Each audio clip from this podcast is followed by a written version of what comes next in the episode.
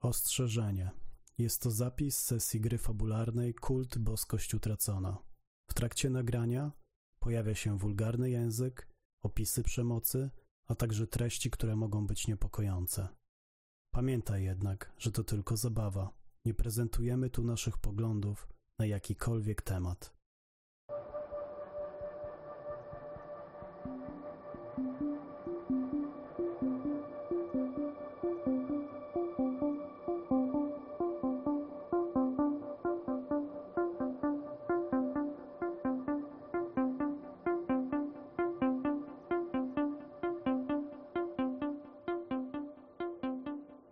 Zapraszamy na historię w konwencji folk horroru.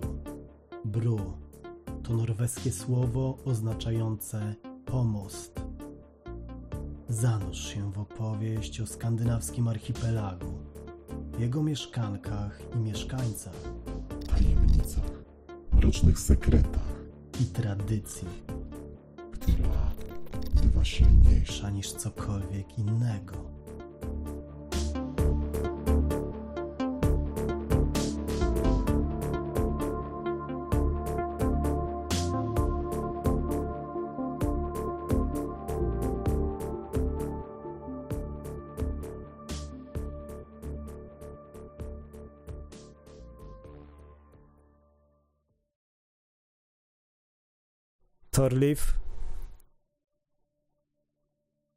Wspiąłeś się już, będąc bardzo blisko Agre, on wypowiedział słowo, ale to słowo w pierwszym momencie nie zostało przez ciebie usłyszane. To, co wydarzyło się zaraz po wypowiedzeniu tego słowa, to nagle hałas gdzieś poza tą polaną. Gdzieś od strony lasów. Tych ponętnych, powiedziałbym, lasów, dziewiczych, pięknych, ale z drugiej strony jakże złowieszczych. Ale właśnie w tym samym momencie też dotarło do ciebie, co on powiedział. Torliv, co usłyszałeś? Jesteś. To tak jakbyś sam do siebie mówił. Bo kiedy jesteś przytwierdzony do tego drzewa, kiedy patrzysz na tą twarz, jakże plastyczną, a z drugiej strony o konstrukcji przecież twarzy skory, ale jednak ruchomą. Jednak widzisz, jak kości policzkowe delikatnie unoszą się, a niektóre z części mięśni zaciskają się bardziej, jakby ta twarz zaczęła uczyć się od początku mówić na nowo, zupełnie w tym miejscu. I teraz dochodzi do ciebie to, że podczas wizyt u twojej ulubionej, ulubionej, podkreślam, psychiatry, psychoterapeutki, psychiatry, te spotkania, które towarzyszyły Twojemu życiu, które w pewnym momencie były Ci potrzebne, żebyś wyszedł z dołka, żebyś wyszedł z dołka zarówno psychicznego, jak i takiego typowo życiowego, to była terapia. Było to związane z wydarzeniami. Jakimi? Był długi proces wydobywania się z odmętów ku powierzchni choroby alkoholowej, która sprawiła, że Torliv potrącił kobietę pod wpływem alkoholu i został oddany na terapię, która działa się podczas jego pobytu w więzieniu. Torliv, kiedy siedziałeś na kozetce. Tak, Gudrun.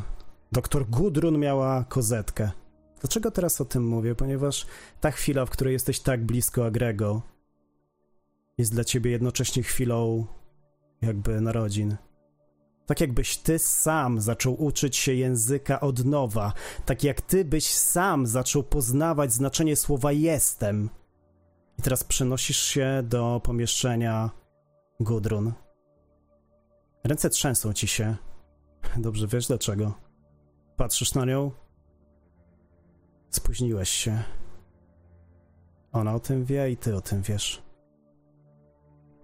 Ona siedzi plecami do ciebie. Coś wklepuje w klawiaturę swojego komputera. A ty wchodzisz. Zamykasz po cichu drzwi tak jakby ona nie słyszała cię. Co robisz? Trzęsą mi się ręce, trzęsą mi się nogi. Trzęsę się cały, mimo że właściwie może nawet tego nie zauważam, bo doktor Ege jest jednocześnie jak trucizna, jednocześnie jak ambrozja. Moje ciało się jej boi, ale wiem, że za każdym razem, mimo że niewiele pamiętam z tych wizyt, wychodzę tak jakby trochę naprostowany, tak jakby ktoś poprzesuwał parę trybików w mojej głowie. Więc ściskając te drżące ręce, mówię takim półłamiącym się głosem, półszeptem. Pani, pani doktor, już przyszedłem na wizytę. Najmocniej przepraszam za, za moje spóźnienie. Ona odkręca się na swoim fotelu, patrzy na ciebie, patrzy spod okularów. Torliv. Miły, mały Torliv. Wiesz, że właśnie wyglądasz, kiedy tak stoisz. Co więcej, myślę, że nie raz stałeś tak w klasie, kiedy spóźniałeś się. I pewnie różne były metody tego, żebyś kolejny raz się nie spóźniał. Ale mi wystarczyło tylko jedno słowo. Jestem, pani Gudrum. Wracasz ponownie do drzewa. Jesteś przytwierdzony opuszkami palców. Mocno trzymasz się tej kory, wręcz zaciskasz je. I dochodzi do ciebie, że Agre, który jest tutaj, nie jest imitacją, jest prawdziwy. Jego twarz, jakby pozbawiona zupełnie całej reszty ciała. Może to ciało jest wyrośnięte dalej, ale on patrzy na ciebie i mówi: Musisz zostać. Nie ma już odwrotu, Torliv. Pod drzewem w tym samym momencie da gaz, da gaz, niczym wąż zrzuca skórę. Widzicie, jak rośnie na waszych oczach. Widzicie, jak jego ręce stają się podłużne i włochate. Widzicie, jak jego grzbiet wygina się, a na jego kręgosłupie pojawiają się kolejne wyrostki kostne, przypominające jakieś zupełnie nieznane wam kształty. Idą w różnym kierunku. Widzicie, jak jego twarz wydłuża się. Ty, Brooke, leżysz tam obok. A ty, Larsz, stoisz i wpatrujesz się w niego. On omiata swoim spojrzeniem was i widzicie, jak ta przemiana zachodzi w nim. Widzicie, jak razem z nim, razem z tą przemianą, zachodzi przemiana całego otoczenia. Widzicie, jak ta polana staje się jedną zamkniętą przestrzenią. Jak gdyby za sprawą jakiegoś tajemniczego zupełnie działania wszystkie te pnącza, krzaki, drzewa, gałęzie, wszystko to, co było poza tą polaną, stanowi teraz jeden wielki mur cierni, wysoki na wiele metrów. Dagas przygląda się Torlifowi, po czym patrzy w kierunku twoim. Elarsz, przykręcając głowę tym razem jeszcze bardziej zwierzęco niż wcześniej. Widzisz w oczach ten błysk, który widziałeś wtedy, kiedy on zainteresował się tobą. I słyszysz takie zupełnie niepasujące do jego aparycji słowa. Spadnie! On spadnie! Rzuć sobie, weź się w garść, Torliv.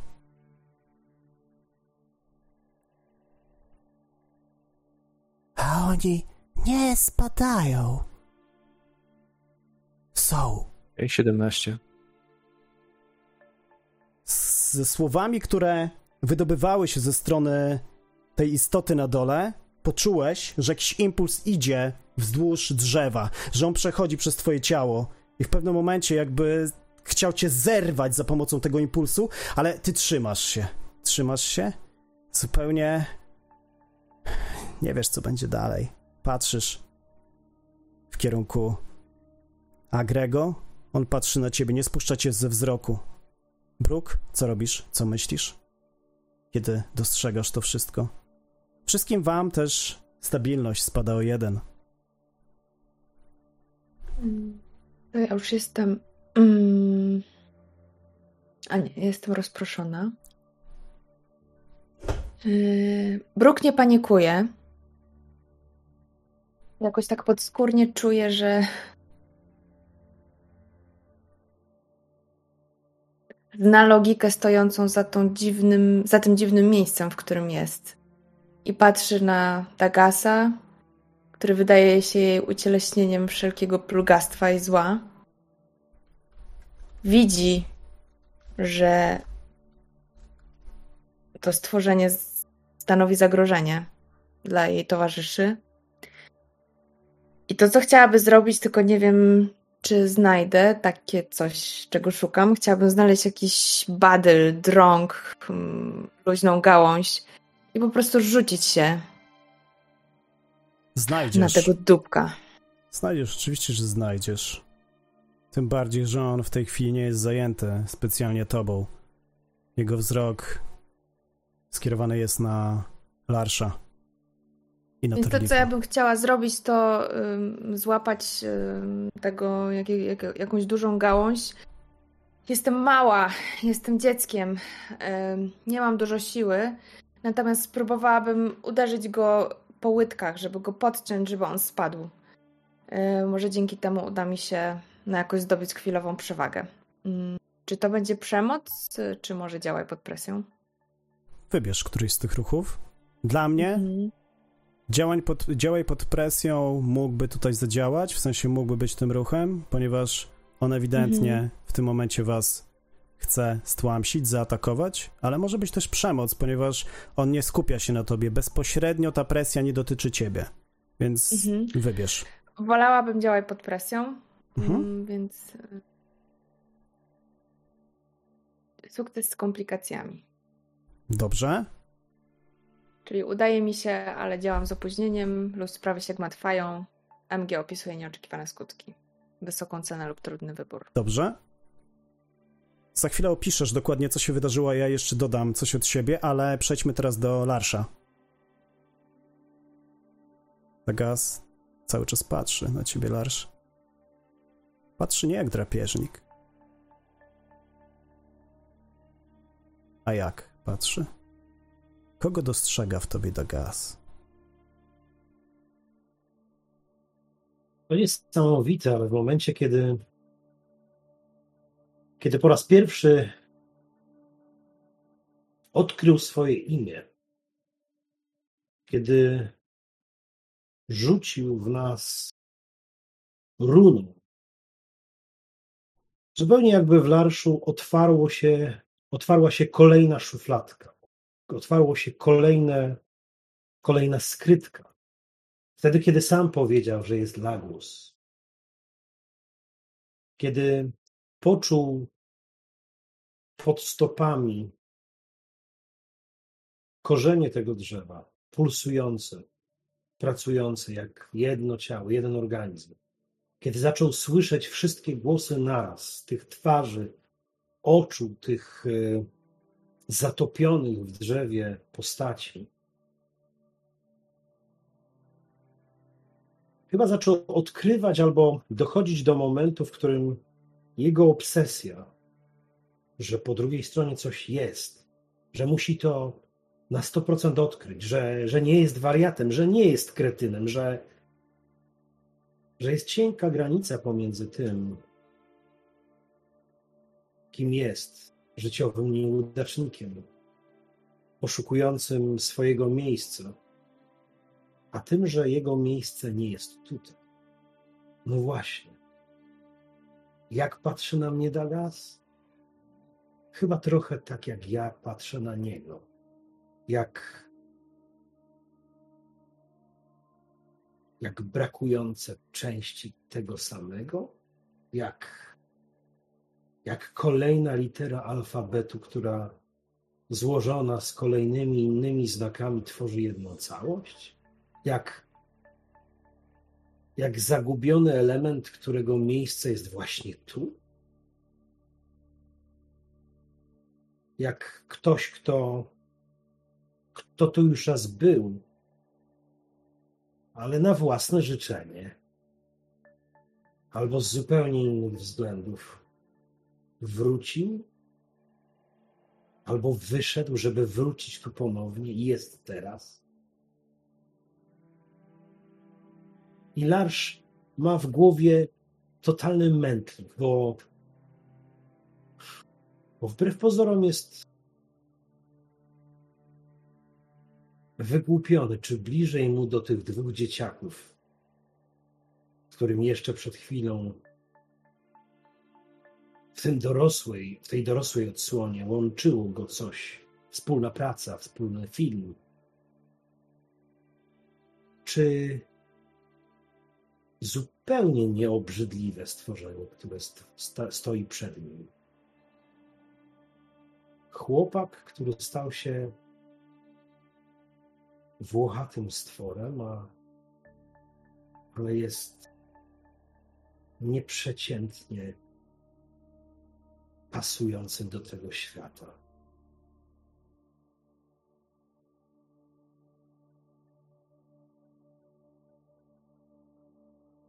Więc spoglądasz tak na niego, te myśli krążą po twojej głowie. One wręcz, myślę, że w przestrzeni, w której jesteś, jesteście, one wręcz nabierają pewnego materialnego kształtu. To wszystko, co dzieje się dookoła, jakby w pewnym momencie zaczęło falować. To powietrze, które tutaj, wewnątrz tego lasu, było czyste, e, jakże po prostu wietrzne, teraz stało się nieco ciężkie. Stało się tak jakby po prostu coś z waszych ciał, z waszych dusz, z czegoś więcej zostało wpuszczone właśnie w tą, w tą przestrzeń, w której jesteście. Brooke, widzisz, że Dagaz zupełnie zwrócił uwagę, zupełnie skierował swoją uwagę na Larsza i to jest moment, w którym możesz zadziałać skutecznie, albo przynajmniej tak ci się wydaje, że to będzie skuteczne. Co robisz? Zamachuję się. Yy, znaczy przede wszystkim wypatruję taki, taką, taką dużą gałąź, która, yy, która opadła z, yy, z drzewa. Biorę ją do ręki i tak troszkę na kuckach, żeby mnie nie zauważył, zamachuję się i walę go w łydkę. Natomiast sama tracę równowagę i upadam na ziemię. Mhm. Dobrze. Słuchaj, to uderzenie jest bardzo silne, jak na dziecko, w którym, w którego ciele, ciele jesteś. Ono zdecydowanie nie jest dziecięcym uderzeniem. Wiesz, trochę godzin spędziłaś na siłowni. Trzeba było popracować nad sylwetką. I uderzasz najmocniej jak potrafisz, łamiąc tę gałąź na jego łydce. On natomiast w tym momencie pod naporem tego uderzenia upada na kolano i odkręca się, tylko syczy, patrząc na ciebie, jak leżysz teraz w zasadzie na wyciągnięcie tej jako pazurze, pazurzastej em, łapy, która wydaje się jakby cały czas jeszcze się przemieniała, jakby próbowała nabrać właściwego kształtu, żeby pokazać wam swój majestat, ale ty leżysz i w twoich oczach co się pojawia? Co to jest za emocja? Kiedy on widzisz, że zaciska ją najmocniej jak potrafi i za chwilę pewnie zadziała w twoim kierunku, ponieważ to, co zrobiłaś, spowodowało wytrącenie jego skupienia na tym bądź na kimś, na kim bardzo zależy mu tutaj. W oczach pojawia się na pewno strach, ale pojawia się też taka nutka satysfakcji. Myślę sobie, nie wszystko pójdzie tak, jak chcesz, skurwysynu. Ale oczywiście boję się tego, co widzę przed sobą, więc zaczynam, odwracam się na plecy i tak staram się po prostu wycofać jak najdalej od niego, yy, uciec. I krzyczę do Larsza: Wal z drugiej strony!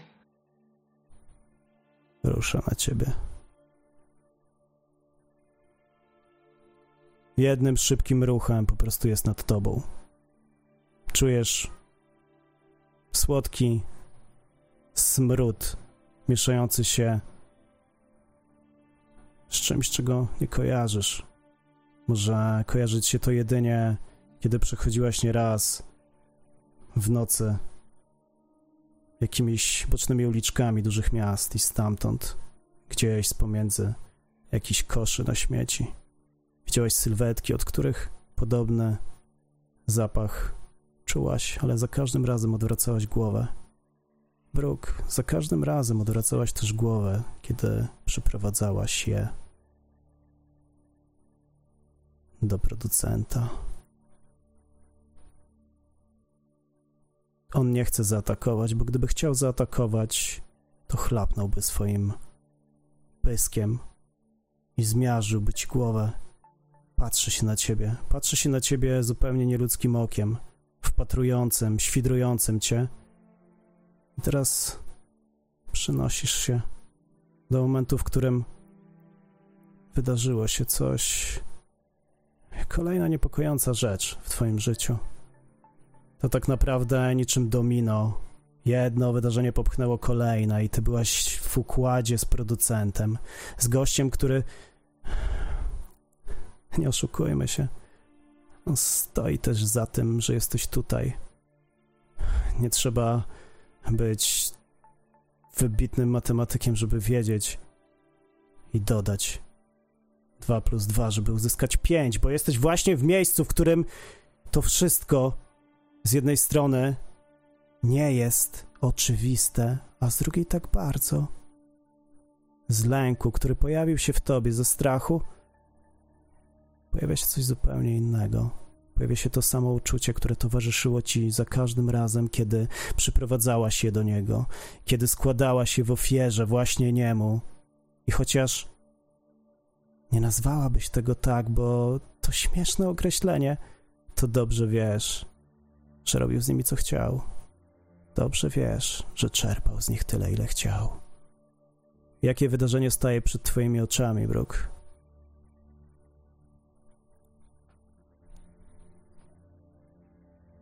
Które staje mi przed oczami za każdym razem, kiedy chociaż trochę wytrzeźwieję.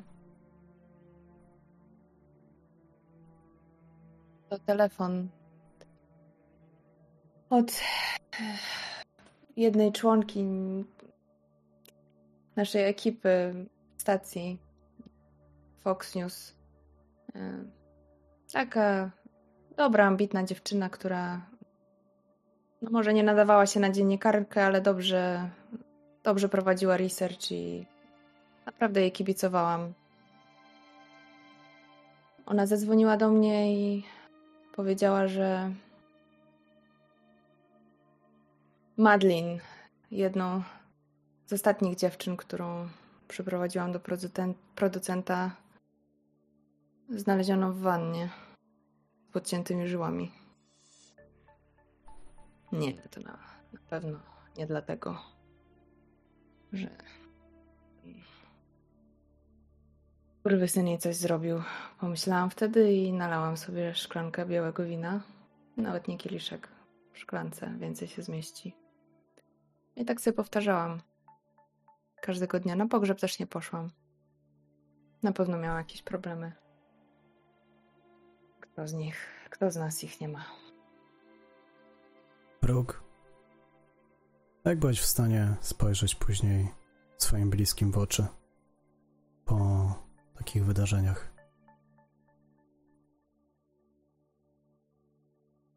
Bliskim było łatwiej spojrzeć w oczy niż sobie. Więc za każdym razem, jak przygotowano, przygotowywano mnie przed wejściem na antenę, robiono mi makijaż, to kazałam zasłaniać lustro albo ustawiać fotel gdzieś indziej.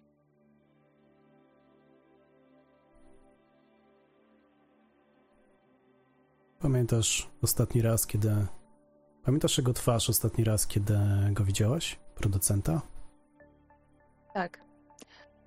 Tym razem była taka czerwona, nalana. takimi przetłuszczonymi włosami albo przesadził z brylantyną. No i te białe zęby. Takie zapadnięte oczy jak u Baseta. Obrzydliwa jak zawsze.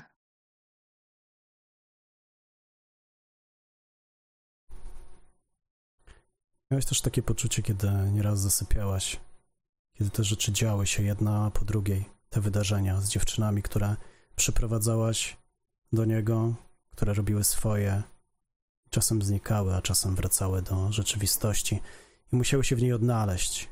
Czasami były spętane w relacje z nim. Czasami było ich wiele, czasami była jedna. Natomiast miałeś takie poczucie, że to się nigdy nie skończy. Że wtedy, kiedy po raz pierwszy skorzystałaś z tej okazji, żeby być w przyszłości na szczycie, podpisałaś to własną krwią. Krew ma pamięć. Brooke?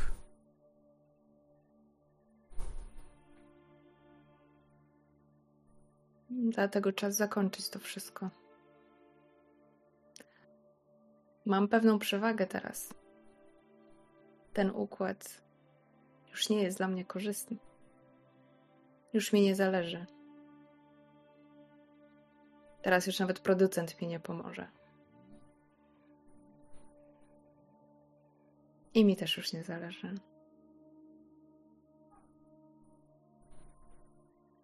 Istota przesuwa się do ciebie. Jedyne co czujesz to ten zapach, te twoje obrazy po prostu wirują ci w głowie. Rzeczywistość zmienia się z chwil, w których byłaś wtedy przed producentem, chwil, w których byłaś słysząc o tym, co się wydarzyło z Madeleine, z innymi dziewczynami. Pojawiają się w twojej głowie, może teraz, może to się dzieje, może znowu wracasz do momentów, w których byłaś wtedy, może, może to nie było, może to jest. Wszystko to miesza ci się, ale w tym wszystkim widzisz pewną prawidłowość, widzisz taką czerwoną lampkę. Kurwa, może ta lampka cały czas wszędzie tam była, może ona była ostrzegawcza. I teraz, kiedy te wszystkie obrazy zaczynają się zmieniać, niczym w kalejdoskopie, to wracasz ponownie na polanę i ta czerwona lampka to jest czerwone oko tej istoty, która patrzy na ciebie i widzisz w tym spojrzeniu litość. Ta lampka to czerwona lampka kamery, która nagrywa. On. On od zawsze patrzy na mnie. Z litością? Czas to skończyć. Jestem zmęczona. Czego chcesz ode mnie? Daj mi go. Daj. Orlifa? Tego, od którego nie potrafisz się uwolnić.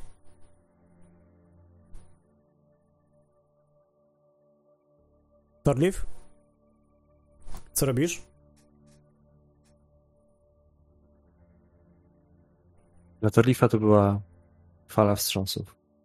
Pierwszym wstrząsem była wibracja idąca po drzewie. Drugim była przemiana Tegaza. Ale trzecim było to, że na ułamek sekundy, albo może na dłużej niż na ułamek sekundy, przeniósł się z powrotem do więzienia na terapię. Ale teraz jest odrobinę inaczej, bo jego wspomnienia zaczynają wracać pojedyncze słowa, pojedyncze zdania, pojedyncze sekwencje z tych wszystkich terapii, których nigdy nie pamiętał, uświadamiają go, że on nie był tam naprawiany. On był tam świadomie i kontrolowanie, z precyzją śrubokręcika, psuty, tak żeby kolejka nigdy nie zeszła z torów, tylko żeby zawsze kręciła się w kółko. A pytanie, którym doktor Gudrun Ege zawsze go molestowała, było Torlif. Kiedy to wszystko poszło nie tak? kiedy to wszystko poszło nie tak. I teraz spoglądam w oczy Agrego i szukam tej samej odpowiedzi u niego, bo cały czas wierzę, że w jakiś sposób może części z nich można pomóc. I chwiejąc się, chwiejąc się na gałęzi, próbuję z powrotem stanąć na nogi. Dotykam rękami drzewa koło Agrego i pytam: Agre, kiedy to wszystko poszło nie tak? Jak mogę ci pomóc? Jak mogę cofnąć czas? Jak mogę to wszystko odkręcić? Czy to jest w ogóle możliwe?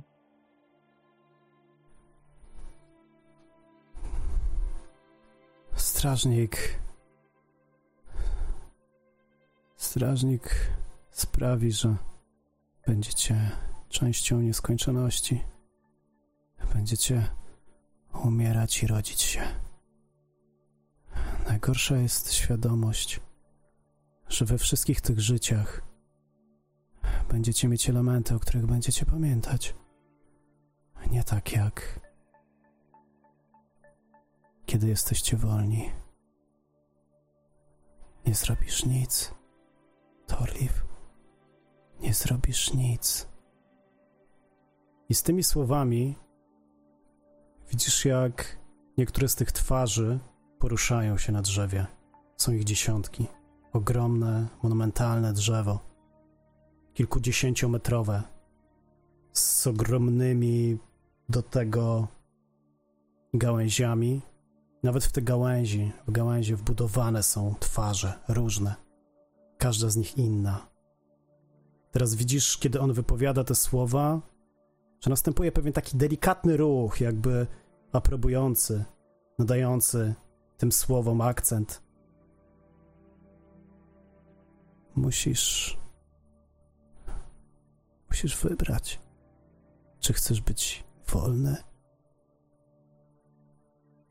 i karmić się atrapą, czy chcesz być tu ze wszystkimi swoimi życiami.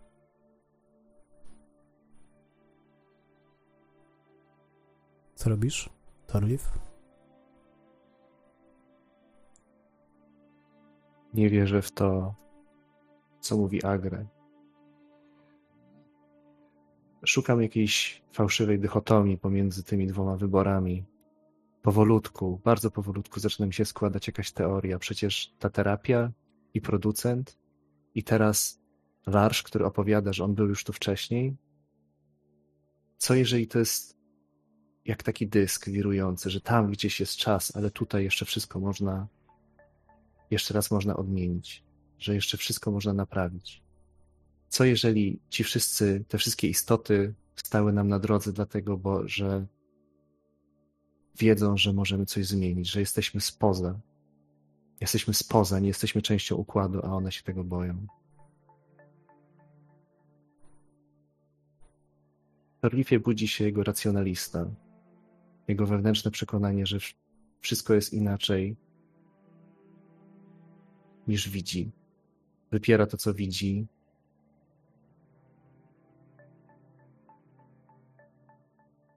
I nie pozwoli, żeby to się tak skończyło. Oglądam się na jaszczura. Co robi jaszczur? Ta istota zakrywa swoim ogromnym cielskiem, kilkumetrowym. Zakrywa leżącą. Widzisz tylko leżącą, wystającą kawałek, kawałek buta, kawałek nogi. Pod nim leży bruk. Ty jesteś, można powiedzieć, praktycznie nad nim. To jest kilka dobrych metrów. Ale widzisz, że Larsz coś robi. Co robi Larsz?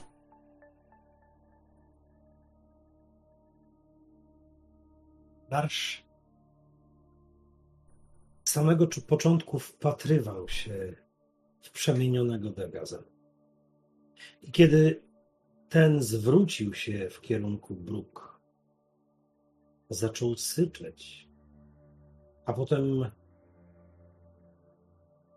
jego górna kończyna, przypominająca długą dłoń, zwinęła się w pięść. Dopiero wtedy się zorientował, że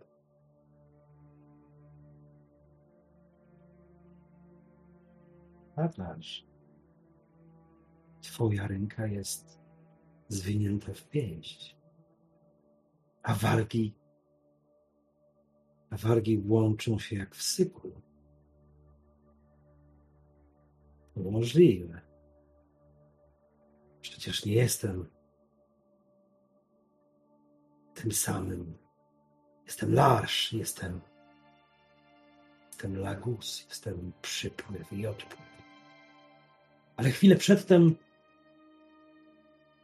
Larsz jakby medytacyjnie włączył się w te głosy, które słyszał jeszcze przed chwilą, te wszystkie głosy, szepty, modlitwy, te wszystkie samotne głosy, wszystkie głosy zrezygnowane i te, które nie wiedzą, gdzie jeszcze są. Jak wielki przepływ informacji, jak,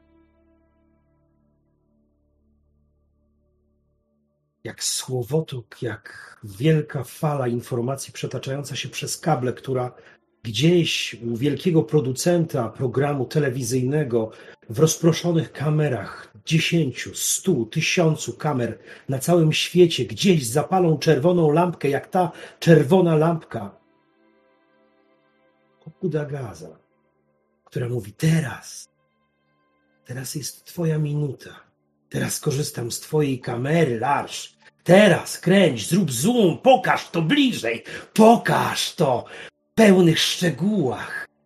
Teraz, Larsz, a za chwilę gaśnie, żeby kto inny, gdzieś po drugiej stronie globu, gdzieś w zupełnie innym mieście, gdzieś w zupełnie innym czasie pokazał swoją minutę, swoje 30 sekund. Teraz jest twój czas, żeby za chwilę wrócić, żeby, żebyś ty, Larsz, mógł obserwować nie swoimi oczami, oczami Dagaza, oczami swoimi oczyma tysiąca innych oczu połączonych ze sobą. I teraz Larsz z tego całego mętlika, który miał, to wszystko jakby zaczęło się składać w jedną całość. Ten obraz, który był jeszcze przed chwilą y, w tym domu, gdzie postacie były połączone ze sobą, połączone z domem, połączone jakimś niesamowitym okablowaniem. Te wszystkie informacje płynęły do jednego miejsca. Ci ludzie tam w ogrodzie, którzy połączeni są kablem, Larry zaczął to czuć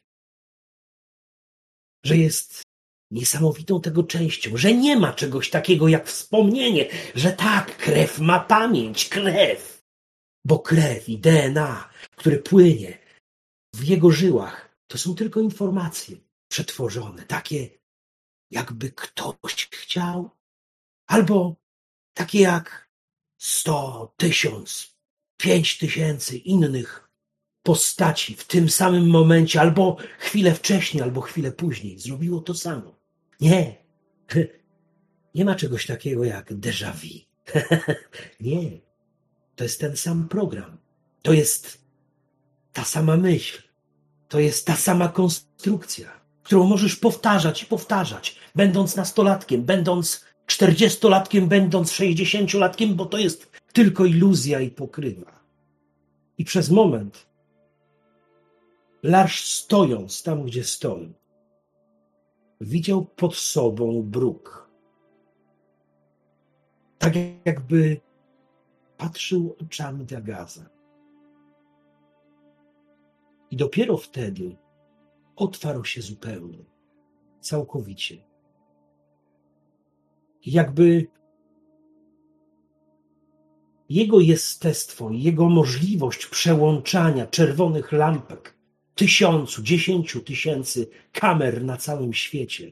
Mogła przeskakiwać z jednej kamery do drugiej. I nagle zobaczył, gdzieś był na jakiejś, na jakiejś imprezie, jakaś dzieci się bawią, jedzą watę cukrową na patykach, za chwilę jest gdzieś w pociągu, siedzi z nudnymi osobami, za chwilę jest gdzieś na froncie, za chwilę tysiąc obrazów. I za chwilę, na samym końcu, zaczął się śmiać. Tak strasznie zaczął się śmiać. Spojrzał na swoje ręce. Arabskie ręce Al-Jahira Muhabiego. I za chwilę spojrzał na swoje ręce. W szpitalu psychiatrycznym zabójca 16 kobiet Uwe Skoljarksen. I za chwilę spojrzał na ręce z pomalowanymi paznokciami. Dobrze je znał. Ręce swojej żony. Sary, śmiejąc się w ten sam sposób. I wrócił, choć czy w całości on tu stoi, czy, czy jest gdziekolwiek indziej, a może jednocześnie w wielu miejscach. Rozsypana jednak w nieprzeciętnej całości. Ale dla tych, którzy go widzą z zewnątrz, stoi twardo, wpatrzony w stworzenie, które dało mu nowy początek. A to stworzenie przekazuje mu poprzez wspólną krew. Przekazuje mu, że to on dał początek temu miejscu. To Larsz dał początek temu miejscu. Że to miejsce jest połączeniem dziecięcych wizji, które rodziły się w jego głowie, wspomnień, które należały do niego, ale gdzieś przed eonami, dawno temu, łączonych dzięki przechodzeniu z jednej ruchomej kładki na drugą, z jednego rachitycznego, kruchego życia do drugiego. Nie ma wspomnień, bo to wszystko jest jak łańcuch. Nie ma wspomnień, bo to wszystko jest jednym wielkim budulcem. Nie ma wczoraj, nie ma jutra. Jest miejsce, jest krew. Krew, która płynie w tej istocie, w niewielkiej części tylko, zmieszana z czymś, czego, czego Larsz nawet nie chciałby nazywać. Istota jest sługą. Ty jesteś stwórcą. Dla niej jesteś spełnieniem. Dla niej w tym miejscu, tuż na samej górze, w koronach tego drzewa, jest tron dla ciebie. Wiesz o tym. I po raz pierwszy ta istota odczuwa lęk. Nic ani nikt jej tego nie nauczył. Nie wie, jak sobie z tym poradzić. Będzie się miotała, będzie zmieniała formę, będzie krzywdziła cielesność, a może próbowała wedrzeć się w jaźń, może próbowała robić to, co robi, bo kiedy patrzysz w tej całej myśli, roz, rozkładaniu tego wszystkiego, co jest dookoła ciebie, widzisz Torlifa, jego przerażony wzrok. I przez chwilę przecież widziałaś też wzrok Brooke, która z jednej strony była przerażona, ale potem jej wzrok nagle zaczął się zmieniać. Ona poczuła szansę. Torlif, dla ciebie to szansa. Stoisz tam na górze i widzisz, że istota jakby znieruchomiała. Przytrzymała pod sobą bruk. I to jest właściwy moment na to, żebyś coś zrobił. Teraz, niczym taki odgłos lasu, kiedy idziemy wzdłuż, albo kiedy wchodzimy do samego lasu, kiedy zwierzęta lasu, odgłosy lasu niosą się i sprawiają nam przyjemność, to teraz wszystkie te twarze, wszyscy ci, którzy są wewnątrz tego drzewa, szepczą w różnych językach, ale wszyscy mówią Jedno. Co to za słowo? Co to za zdanie? Co w tym słyszysz, Torliv?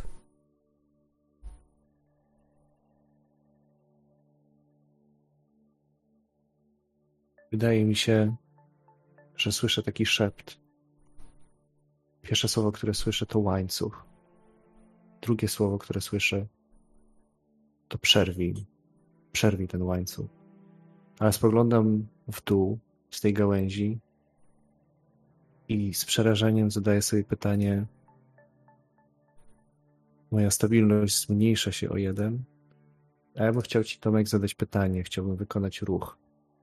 Kto jest tu większym zagrożeniem? Dagas czy Larsz? Kto chciałby skończyć to drzewo, a kto chciałby je ochronić? Bo Torgif już nie wie. Larsz.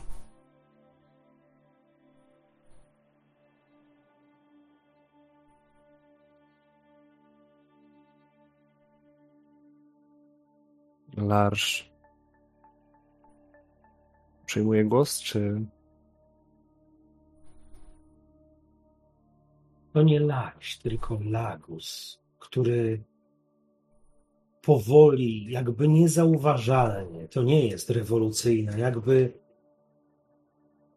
z minuty na minutę rósł, puch, wypełniał tą przestrzeń w sposób e, niematerialny, a może trochę materialny też. Jest coraz większy, jakby karmił się przestrzenią, kiedy tylko usłyszał, że jest jej stwórcą.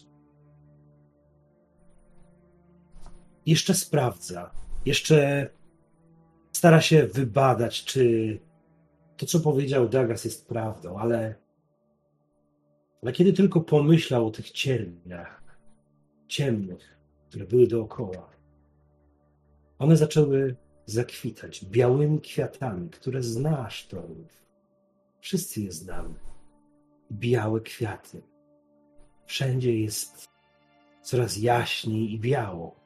Jakby, jakby cała rzeczywistość kwitła, samo drzewo było tętniącym sercem tego, w co zmienia się Lagos, przypływ i odpływ. I czujesz, że że głowa Laguza, mimo że ty jesteś na gałęzi, jest na twojej wysokości. Ale on nie zwraca na ciebie uwagi. Nie. Jesteś za malutki, Torlifu. Jesteś tylko małą częścią całości, która jest wymyślona przeze mnie, wytworzona przeze mnie. Nie możesz mi zagrozić. Zresztą kiedy to stworzenie zagroziłoby stwórcy? Larsz puchnie jest coraz większy, jakby, jakby chciał zająć całą przestrzeń, która nie jest kwiatami, nie jest drzewem, nie jest ziemią, po której jeszcze przed chwilą stąpaliście. Ale masz wrażenie, że jak taki wielki pęcherzyk powietrza będzie się przyklejał do wszystkiego i wszystko ogarniał sobą. Łącznie z tobą, to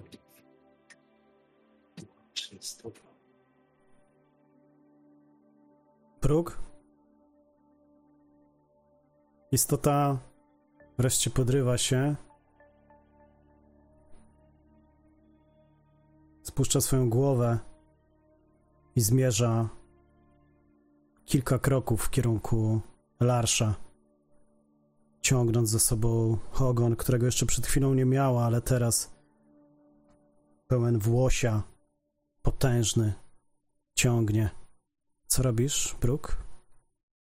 Widząc też, co dzieje się z Larszem, widzisz?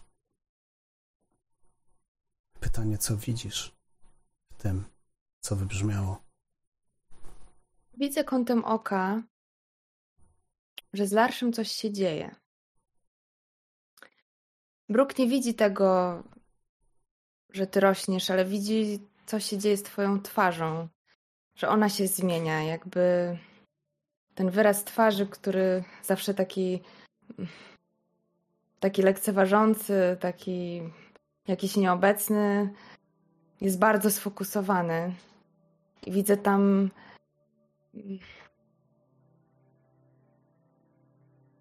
błysk radości, władzy, ale Brooke nie zajmuje się tym za długo. Brooke jest bardzo przy sobie. Ta prośba istoty, żebym oddała mu producenta, skłania ją do zastanowienia się, jak ja mogę to zrobić. Gdzie on jest tak naprawdę? Czy on jest we mnie? Czy on jest mną? I zaczyna nerwowo drapać się, jakby próbowała wydrapać go ze swojego ja. Czy Drapie chcesz, się aż do krwi. czy chcesz jakiegoś ruchu użyć tutaj? A też jak chcesz, nie? To jest dowolność. Chyba nie. Chyba, że. Mm, poczekaj, czekaj, bo może. Y. Chciałabym rzucić na intuicję Mhm. w kontekście czytania osoby, tylko zrobić, rzucić to, czytać osobę z siebie. Czyli chciałabym zobaczyć, na ile jakby tożsamość producenta jest jakimś aspektem mojej egzystencji. Dobra, to bez rzutu mogę ci powiedzieć. Mhm. Tożsamość e, produ- producenta ma wpływ na Twoje działania, na też intencje tego, co robisz, ale on Mhm. nie jest częścią Ciebie. On jest oddzielnym Mhm. bytem zupełnie i nigdy nie był częścią Ciebie. Może być częścią Twoich wspomnień, Twojego życia, ale nie Mhm. częścią w takim sensie nawet metafizycznym, czy w sensie fizycznym, czy jakkolwiek byśmy tutaj powiedzieli. Mhm. Ten ból związany z zadrapaniami trochę mnie otrzeźwia. Y, Krew jest na wagę złota w tym miejscu. I kiedy ta krew zaczyna kapać na polanę, wiesz, tą niewielką trawę, która rośnie na niej, to widzisz, jak te małe, dosłownie kilka kropelek spadło. Reszta po prostu ta krew płynie ci wzdłuż, wzdłuż twojej ręki. Widzisz, że każda z tych kropel powoduje sporej wielkości kałużę, która w pewnym momencie zakrywa całkowicie przestrzeń tej polany, a pokazuje ci rzeczywistość, którą znasz. Pokazuje ci Lingor. Dwie krople wystarczyły, żebyś w tym momencie miała pod sobą na tyle dużą dziurę, żeby zobaczyć, co tam jest, ewentualnie wejść tam. Co robisz?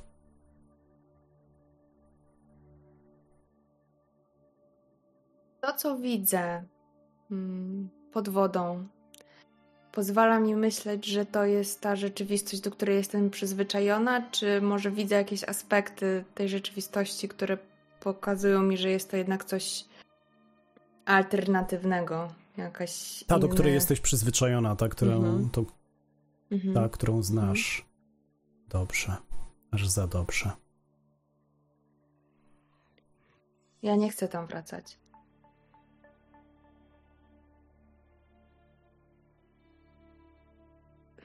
Istota wie o tym. Odkręca się, patrząc na ciebie i mówi tym swoim dziwacznym głosem: Dziękuję. Po czym podnosi swoją łapę, która wygląda na zwichrowaną, złamaną. Podnosi i wskazuje ciebie nią. Czujesz, jak twoje ciało zaczyna się robić sztywne. Ale ta sztywność nie jest nieprzyjemna. To nie jest sztywność, która kojarzy się ze skrępowaniem. Nie, Brooke. Czujesz coś wbrew. Coś zupełnie innego niż skrępowanie. Czujesz wolność. Czujesz, jak wszystkie troski, jak wszystkie problemy, jak wszystkie wspomnienia, jak ten pieprzony skurwiel znika raz po raz z twojej głowy. Jak stajesz się częścią tego miejsca. Luke, wciąż leżąc na ziemi, patrzy na swoje ręce zakrwawione i zastanawia się, czy tak samo wyglądały ręce Madlin, kiedy zaczęła ciąć się, żeby się uwolnić. Ona się uwolniła, jest wolna. Ja też jestem wolna? Zastanawiam się.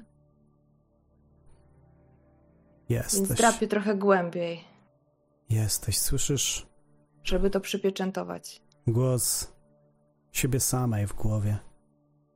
Jestem. Jesteś. Larsz?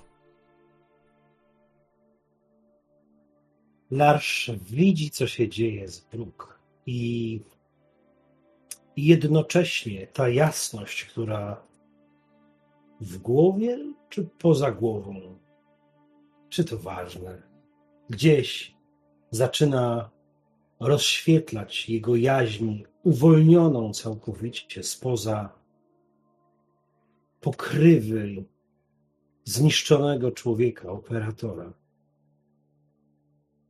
Spogląda na Brooke,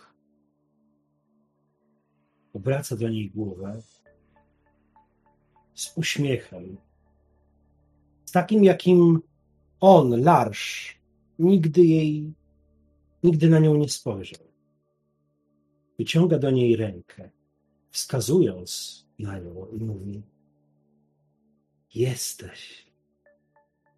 Jesteś Berkanan. Jesteś całością. Zostań tu. Zobacz i usłysz. Musimy razem zmienić ten chaos w jeden chór. Patrz. Patrz na krople swojej krwi. W tym momencie, kiedy pokazuje Tobie Twoją krew jeszcze skapującą bardzo powoli, to z każdą kroplą słyszysz jak gdyby uderze, uderzenie bębna, takiego skandynawskiego, płaskiego, dużego bębna. A powoli te głosy, które przed chwilą jeszcze z tego drzewa były strasznie chaotyczne, szeptały, każde w innym kierunku i z, innymi słowami, i z innymi słowami zaczynają szeptać wspólnie. Fechu, Uru, Hans, Reido, Agla, Isa. I ty, i ty wiesz, mimo że skąd miałabyś to wiedzieć, Amerykanko, że to nazwy poszczególnych run. I słyszysz tam również Dagas. I słyszysz również Lagus. I słyszysz swoje imię, nowe, czy twoje własne od zawsze. Berkana. I kiedy słyszysz ten cichy, ale coraz głośniejszy szum, szept, chór, Lagus obraca się do ciebie i mówi: Zostań. Bo to jest to miejsce, którym naprawdę jesteś. Jesteś. Jesteś.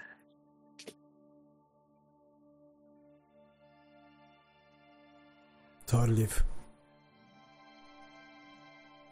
Drzewo kwitnie. Kwitnie na biało i staje się jasnością, bo wrócił do niego jego król.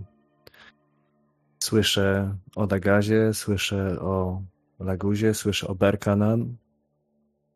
I gdzieś w tył głowy słyszę Tivas. Słyszę również swoje imię, swoje runy i wiem, że mam ostatni czas, żeby zdecydować, czy idę do przodu i czy poddaję się temu nowemu, czy staję się częścią tego wszystkiego, czy idę pod prąd. I uświadamiam sobie jedną rzecz. Przez te wszystkie setki godzin terapii, kiedy byłem poddawany przerabianiu wbrew własnej woli, kiedy została mi odebrana nawet pamięć, dlatego stałem się taką racjonalistą, bo w głębi mnie zadzierzgnął się taki mały, czarny cierń. I on sprawia, że mogę iść pod prąd nawet kiedy, wtedy, kiedy wszystko wokół mnie staje się niewiarygodne. I słyszę już twarze przemieniają się coraz bardziej w kwiaty, kwiaty zaczynają zarastać te twarze, ale ja jeszcze słyszę cały czas zerwij łańcuch. I chciałbym coś zrobić i będzie to albo koniec drzewa takiego, jakim znamy, albo to będzie koniec Torlifa takiego, jakim znamy, ale chciałbym, działając pod presją jako racjonalista, rozproszyć te łańcuchy. Nie wiem, jakie będzie tego konsekwencja. Może uwolnię Agrego, może zajmę jego miejsce, a może uwolnię więcej ludzi z drzewa, a może uda mi się, jak taki mały kawałeczek piasku w tej machinie czasu, zrobić coś inaczej. Że tym razem będzie troszeczkę inaczej. Dołożę taką malutką runę do tego alfabetu, której nie mógł zobaczyć ani król, ani sługa, ani nowość ale chciałbym powierzyć los runicznym kościom. Co ty na to? Oczywiście. Runiczne kości to jest to.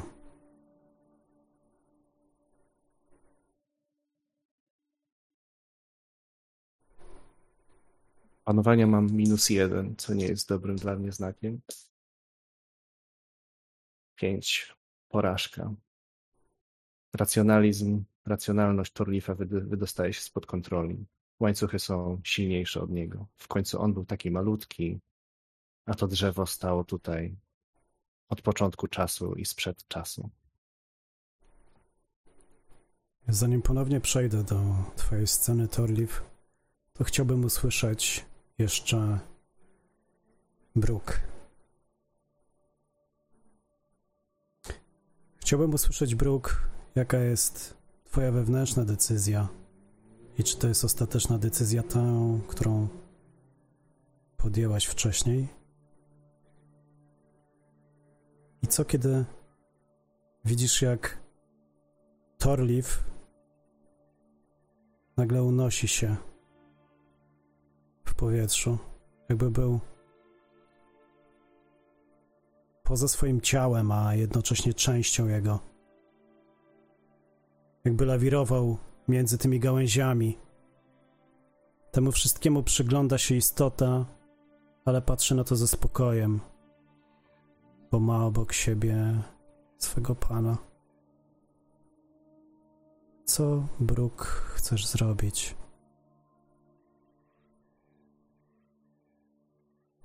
Bruk nie zmienia decyzji, natomiast ostatnie, czego by chciała, to wiązać swój los z kolejną osobą, istotą po tym, jak się uwolniła. Jest zafascynowana tym, że jej krew ma taką moc. I patrzy na te krople krwi, które spływają. Nawet sama prowokuje, drapiąc się bardziej. I chodzi po polanie i patrzy na kałużę, czy widzi różne krainy? Czy zawsze jest to Lingor?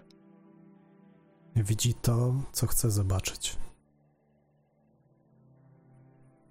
Bo ona szuka. Ona szuka miejsca, gdzie są dzieci, matki, które ich tu przyprowadziły. Ona tam chce iść, może stanie się jedną z nich. Więc nie zwraca uwagi na Turlifa. Szuka. Chodzi istota, po polanie. Kiedy istota odkręca się wreszcie w twoim, twoim kierunku i przewraca swoją głowę, oblizując za pomocą takiego rozstrojonego wręcz, jeżeli tak się odmienia, nie rozdwojonego, tylko rozstrojonego, chyba tak się odmienia, języka, e, oblizuje swój pysk, ale z intencją, żeby podejść do tej kałuży. Żeby zlizać tę krew. Nie do końca możesz zdawać sobie sprawę z tego, co może nastąpić w tej sytuacji. On natomiast działa zupełnie instynktownie. Lęk, który został mu zaszczepiony, jest dla niego zupełnie nową emocją, uczuciem. I kiedy dostrzegasz w jednym z tych światów, które tam oglądasz, te kobiety, to wystarczyło tylko, że mrugnęłaś oczami i tuż przy samej tafli tej przestrzeni, nazwałaś to wodą, niech to będzie woda. Przy samej tafli dostrzegłaś tę piękną twarz kobiety. Z jednej strony o tak ludzkich rysach, a z drugiej tak obcych, o ciemnych oczach, o delikatnie zielonkawej twarzy, która najsilniej, jak tylko potrafi, wciąga cię tam do środka. Oddaję się temu. Larsz? Brooke? Znika. Torliv rozpada się na kawałki. Kawałki, które stają się pyłem, który osadza się wszędzie bardzo blisko drzewa. Ten delikatny wiatr, który teraz wieje, on jest częścią ciebie. Więc on nie pozwoli, żeby boskość Torlifa umknęła gdziekolwiek niż do źródła. A ty, Larsz? Czuję, jak ten pył delikatnie, jakby w zwolnionym tempie opada, dotykając drzewa, wpadając prosto w rozwarte płatki kwiatów. Czuję spokój. Spokój i jakby taki moment, który w samym metalowym łańcuchu każde ogniwo, każde oczko jest zbudowane z jednego kawałka metalu, drutu. Ale nawet ono ma swój początek i koniec, który łączy się ze sobą. Silnie, mocno i nierozerwalnie, tworząc jeden wielki łańcuch. Będąc wypełniony w tej przestrzeni, czuję, że zamykam oczy lekkim podmuchem, prawie niezauważalnym. Fragment tego pyłu chcę jeszcze podnieść. Dmucham. W tym momencie gdzieś bardzo daleko, ale czy tu w tym miejscu może istnieć pojęcie daleko?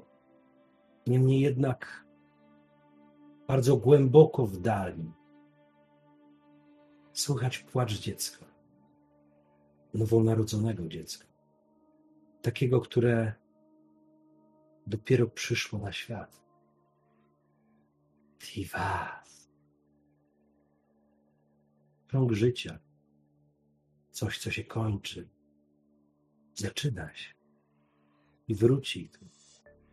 Podejmie te same decyzje, albo całkiem nowe, albo, albo będzie mu się zdawać, że tylko całkiem nowe.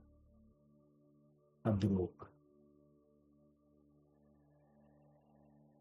Bruk niech żyje w swojej wolności. A w odpowiednim momencie przyśle po nim z całym bukietem białych kwiatów, żeby skrawek pamięci, jedna kropla, mogła przywieźć ją tutaj do jej prawdziwego szczęścia. Nic nie może zabrać jej tego, żeby sama wybrała, jak długą drogą będzie szła, ku wiecznemu celowi, który jest tylko jeden. Jeden. Bo Bruto, gdziekolwiek jesteś, jest.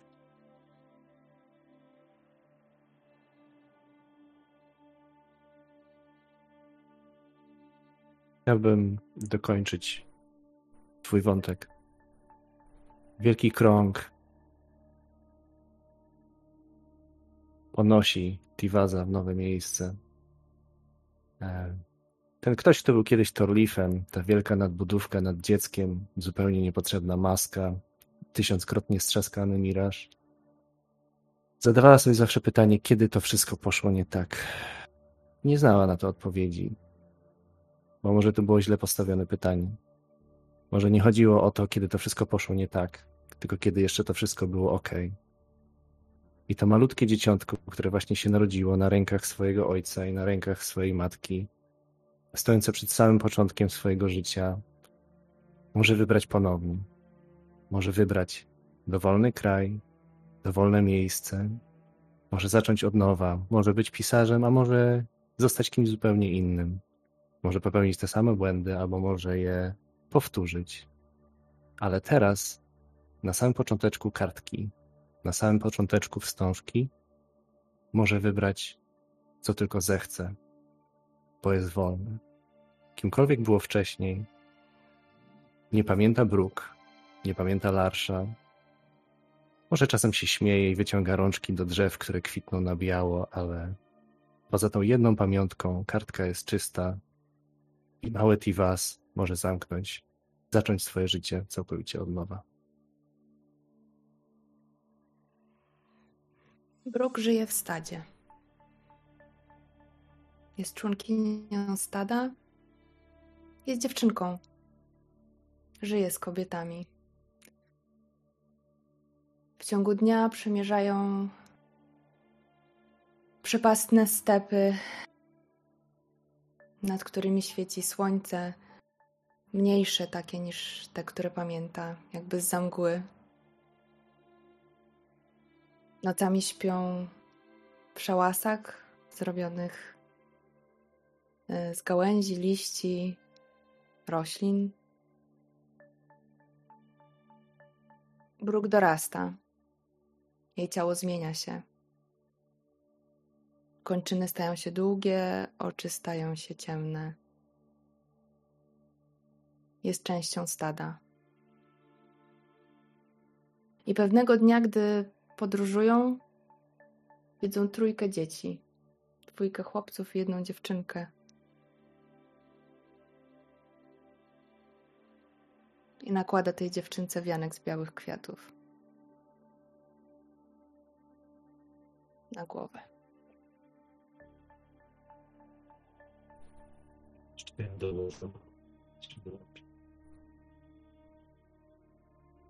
Jest rok 438. Gdzie niegdzie dogasają ognie.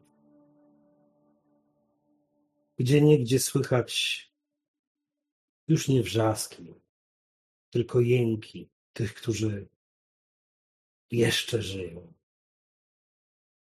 których morska woda polewa, żrąc otwarte drzewia, jelita, które sól wyżera, nie są w stanie wydrapać się na brzeg, nie są w stanie podczołgać się, żeby utonąć. Trzy dni temu trwała tu bratobójcza walka. Brat przeciw bratu podniósł miecz. Leciały głowy. Krew mieszała się z wodą morską. Tu, na skandynawskim brzegu małej wyspy, której nikt jeszcze nie nazwał, bo, bo jedno plemię chciało górować nad drugim, zabrać kawałek ziemi, by go mieć na zawsze. Teraz trzech dniach tylko smród. Smród już powoli rozkładających się ciał. I kruki, kruki, które kraczą, które wydziobują oczy, gdzie niegdzie jeszcze jęki. I wojownik, wojownik z białymi włosami, z białą brodą, który wspiera się jeszcze na łokciach, przytulając się do jedynego na tym brzegu drzewa. Jakby, jakby chciał być jego częścią. Jakby, jakby nie mógł pogodzić się z rzeczywistością tego, że umrze na zawsze i, i ale on wierzy, że jest Walhalla, że jest miejsce, w którym ci, którzy zginęli w walce, a on przecież oddał swoje życie przed chwilą. Coraz mniej widzi swoimi zamglonymi oczami, ale dostrzega, że to Walkiria.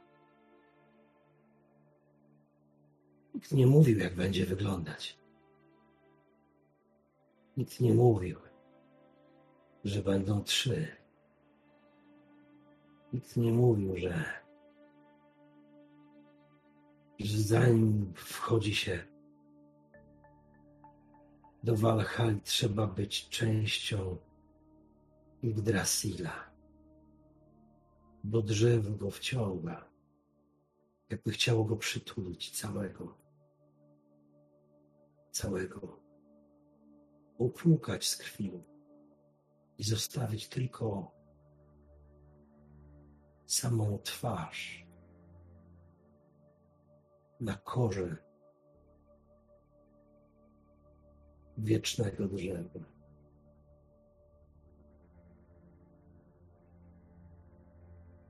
Jestem. Jestem. Jestem.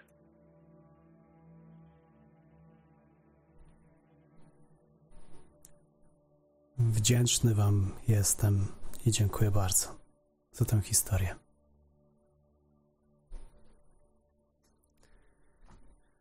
Także stawiamy potężną kropkę, która jednocześnie może być wielokropkiem albo przerywnikiem, albo czymkolwiek. Może być tylko paprochem rzuconym, bo wszystko jest ciągłe.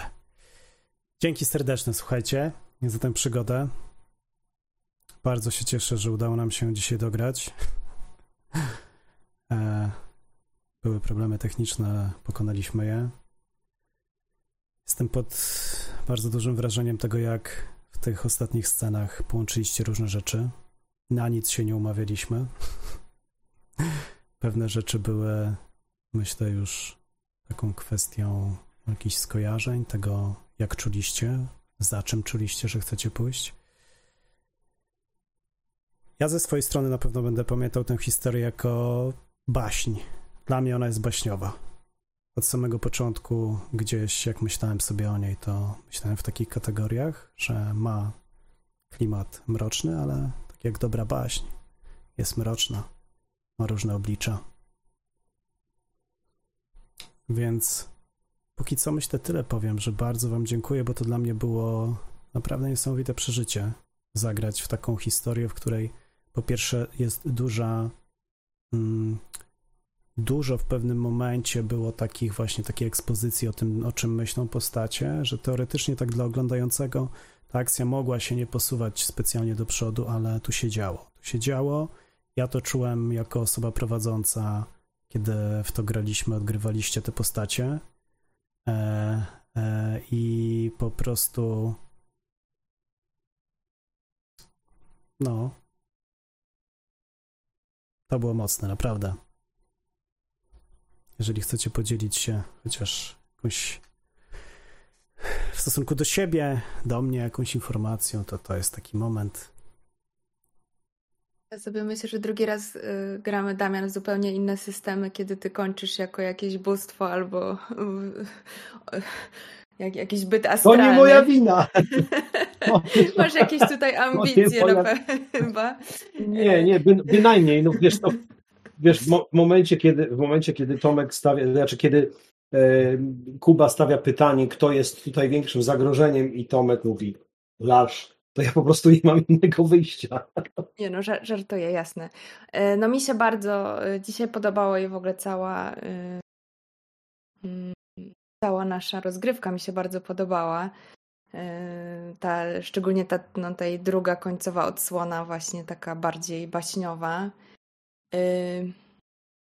No taka no bardzo kultowa ta nasza opowieść e, o boskości odzyskanej e, w różnych wymiarach, myślę. Też takiego, y, nie tylko tej dosłownej, ale też takiego, myślę, że każda z naszych postaci była bardzo podmiotowa i podejmowała decyzje za siebie, różne. Y, I to mi się jakoś bardzo podobało. Nie no, super. Bardzo jestem ciekawa, jak ona się dalej mogłaby potoczyć dla tych postaci albo innych wrzuconych w ten, ten świat. Także dziękuję Wam bardzo. Dzięki. Chłopaki? Coś jeszcze na koniec? Jeszcze mamy chwilę czasu. Ja powiem Ci szczerze, że ja nie bardzo wiem, co mam powiedzieć, bo to było na tyle. Mm,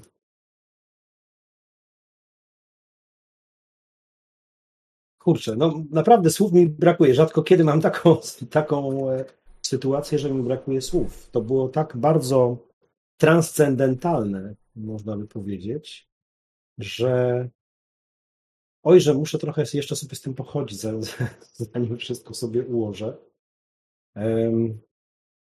Bo naprawdę udało nam się, myślę, wspólnie zrobić kilka takich wątków, które się rozplatały i przeplatały i łączyły ze sobą i rozłączały i te wszystkie rzeczy, które były w poprzednich sesjach, które były teoretycznie zupełnie rozłączne, zupełnie, one się tutaj w tej naszej ostatniej sesji nieprzeciętnie połączyły, powiązały w jakiś taki zagmatwany, jednocześnie bardzo uporządkowany świat.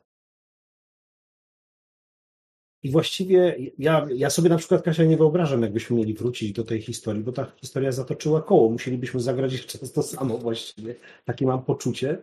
E, Chyba, żebyśmy zmienili po prostu tylko, wylosowali, że ja będę grał Brook na przykład, a ty Torlifem i tak dalej, bo, bo tak naprawdę no to, co, to, co zrobiłaś, ten, to, tą pętelkę z tym, że wiesz, za chwilę pojawiają się znowu te postacie, te trzy, jasny gwint.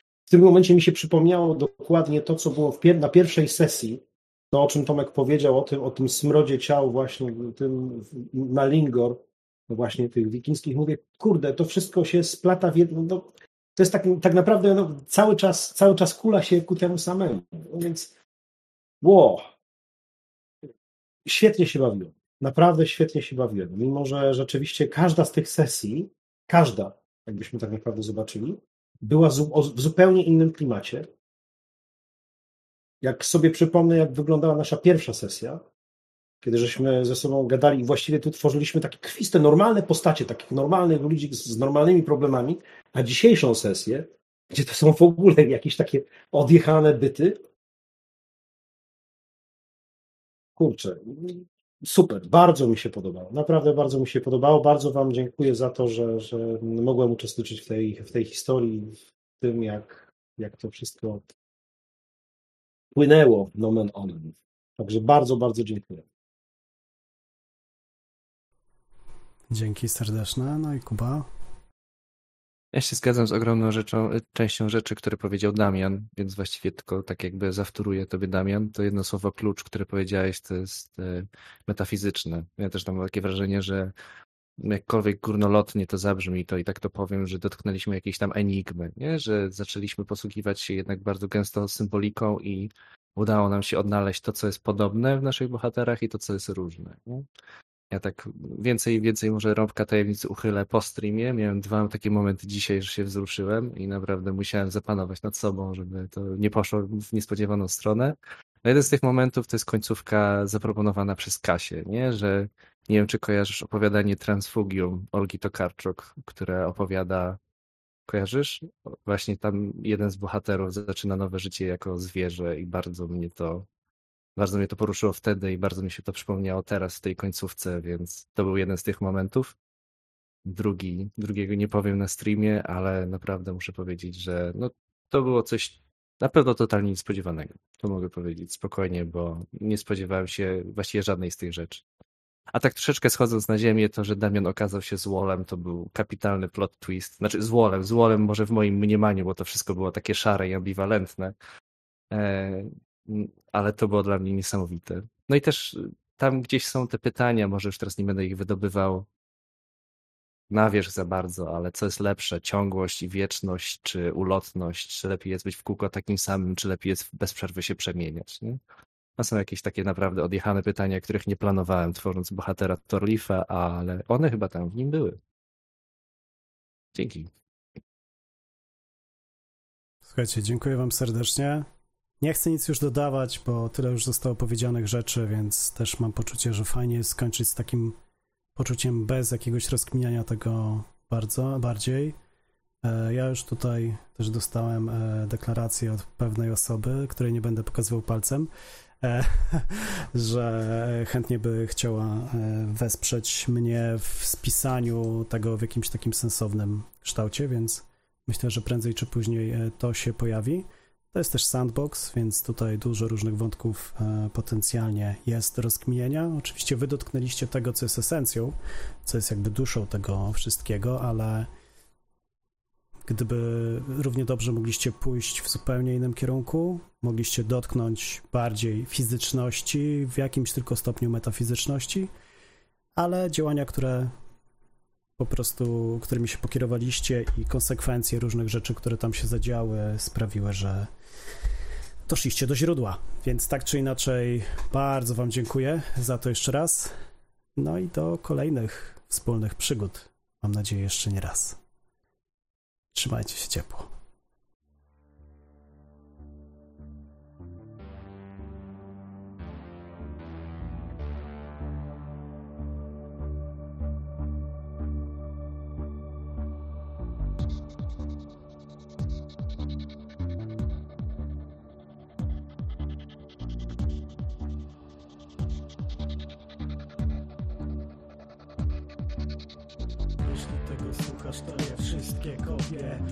Uległy zniszczeniu.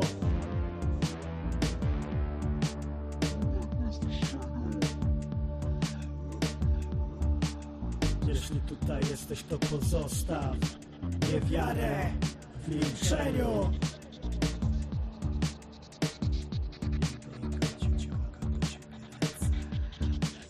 Na granicy snów i jawy budzą się instynkty rodzą się pary Z iluzją ci do twarzy. Śpiący bogowie Chmarne istnienia Brud po trupach Baldwin Torliff i jego wyrzuty sumienia. Fiska we krwi Umazana kamera. Daleko stąd do domu? Lingor wyciąga do ciebie ręce. Hagalie ranta gaz Spójrz pomiędzy te arterie. Hagalie, ranta, gaz Jeśli tego słuchasz Jeśli tutaj jesteś To ostatnie ostrzeżenie